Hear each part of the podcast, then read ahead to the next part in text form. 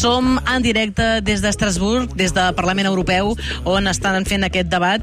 Um, ella és, des del 2020, secretària d'Estat de Digitalització i Intel·ligència Artificial del govern espanyol, enginyera de formació, està considerada una de les expertes més destacades de l'Estat en aplicació de les dades i de la IA. Va néixer a Vilassar de Mar a principis de juny, va ser a Brussel·les. Carme Artigas, hola. Hola, Mariela, què tal, com estàs? Bé, Carme, quina importància té el debat que es fa avui? Moltíssim, perquè, com saps, eh, eh, quan es posa una legislació europea, requereix que es posin d'acord tres parts. No? En, primer lloc, en primer lloc, les propostes de reglament, en aquest cas el reglament de l'IA, parteixen de la Comissió Europea, Després es demana que el Consell de la Unió Europea, és a dir, els estats membres, el que nosaltres ara assumirem la presidència, per entendre'ns, defineixen una posició també en, en font aquesta primera proposta. Això va ser a passat desembre del 2022, i després falta que sigui el Parlament Europeu, amb els seus eh, parlamentaris, on estan representats els ciutadans, estableix, estableixin la seva posició sobre aquella proposta. Això es va aconseguir el passat març i avui es vota. Es vota que aquella proposta del Parlament sigui realment la posició oficial que eh, determinarà l'inici de les negociacions, el que diem els trílogs. Per tant, en aquest moment és molt important la votació de demà, perquè si surt per majoria ja podem començar el que diem els trílogs, que són el debat en tres parts entre Comissió, Consell i Parlament, que és el que tocarà liderar a Espanya, a la seva presidència, amb la finalitat d'arribar a un compromís entre aquestes tres visions i terminar redactant la visió final del reglament europeu. Uh -huh. I hi ha molts punts a, a debat, opinions diferents entre països també. Es marquen moltes diferències, però, eh, entre els usos que pot fer de la IA al sector privat del públic. Les institucions públiques han de poder fer servir, per exemple, la intel·ligència artificial generativa? En aquest moment diríem que la posició del Consell i la Comissió són molt properes i el Parlament sempre introdueix debats nous, no? Més, diríem, potser la Comissió té una visió com més pragmàtica i eh, el Parlament sempre defensa una visió més proteccionista cap als ciutadans. El fet que el Parlament sigui la darrera institució que s'ha manifestat en font del reglament ha permès que s'incorporés el debat sobre la intel·ligència artificial generativa i sobre els, els models fonamentals que van aparèixer tot just fa quatre mesos i que quan es van definir les altres posicions no estaven en el debat públic. No?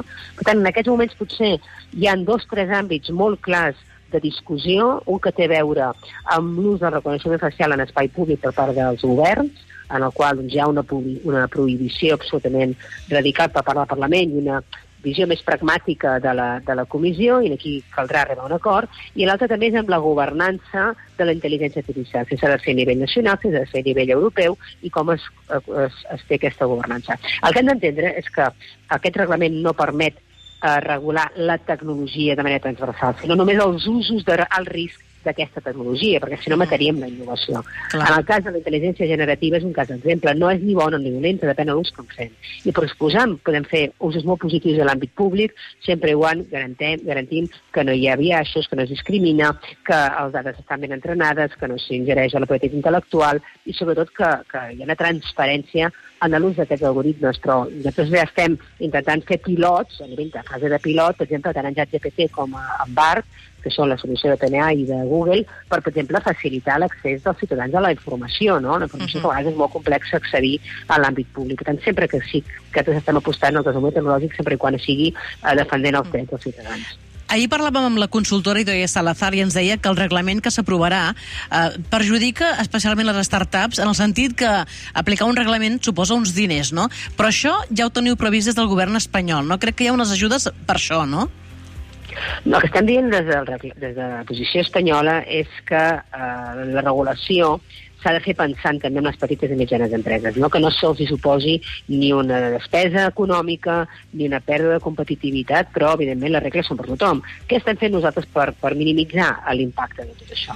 Estem fent el sandbox regulatori d'intel·ligència artificial. És a dir, nosaltres vam dir, ja sé que el reglament arribarà al gener 2024, nosaltres volem fer els deures abans i volem que quan el reglament s'apliqui jo li digui a qualsevol empresa d'Europa aquest és el reglament, s'aplica d'aquesta manera, aquestes són les guies i aquestes són les tecnologies perquè tu puguis automatitzar aquests processos de control. Això és el que ja estem fent nosaltres amb el sandbox regulatori, que portem ja sis mesos treballant, i que ja a finals de mes eh, hi haurà el procés per convidar a les empreses a que ens deixin les seves aplicacions d'alt risc per poder-les auditar i poder-les provar. La idea és que un reglament no vingui imposat i després tinguis dos anys de tenir que pensar com el poses en pràctica, sinó que al moment que un reglament entra en vigor ja tinguis tota la bateria d'eines i de la formació que les pimes necessitaran per poder-lo en pràctica. Això és positiu, sobretot en el cas d'intel·ligència artificial, perquè si esperem una moratòria de dos anys o de quatre perquè no estem preparats, seran dos o quatre anys en el qual això se seguirà desenvolupant sense cap tipus de límit i probablement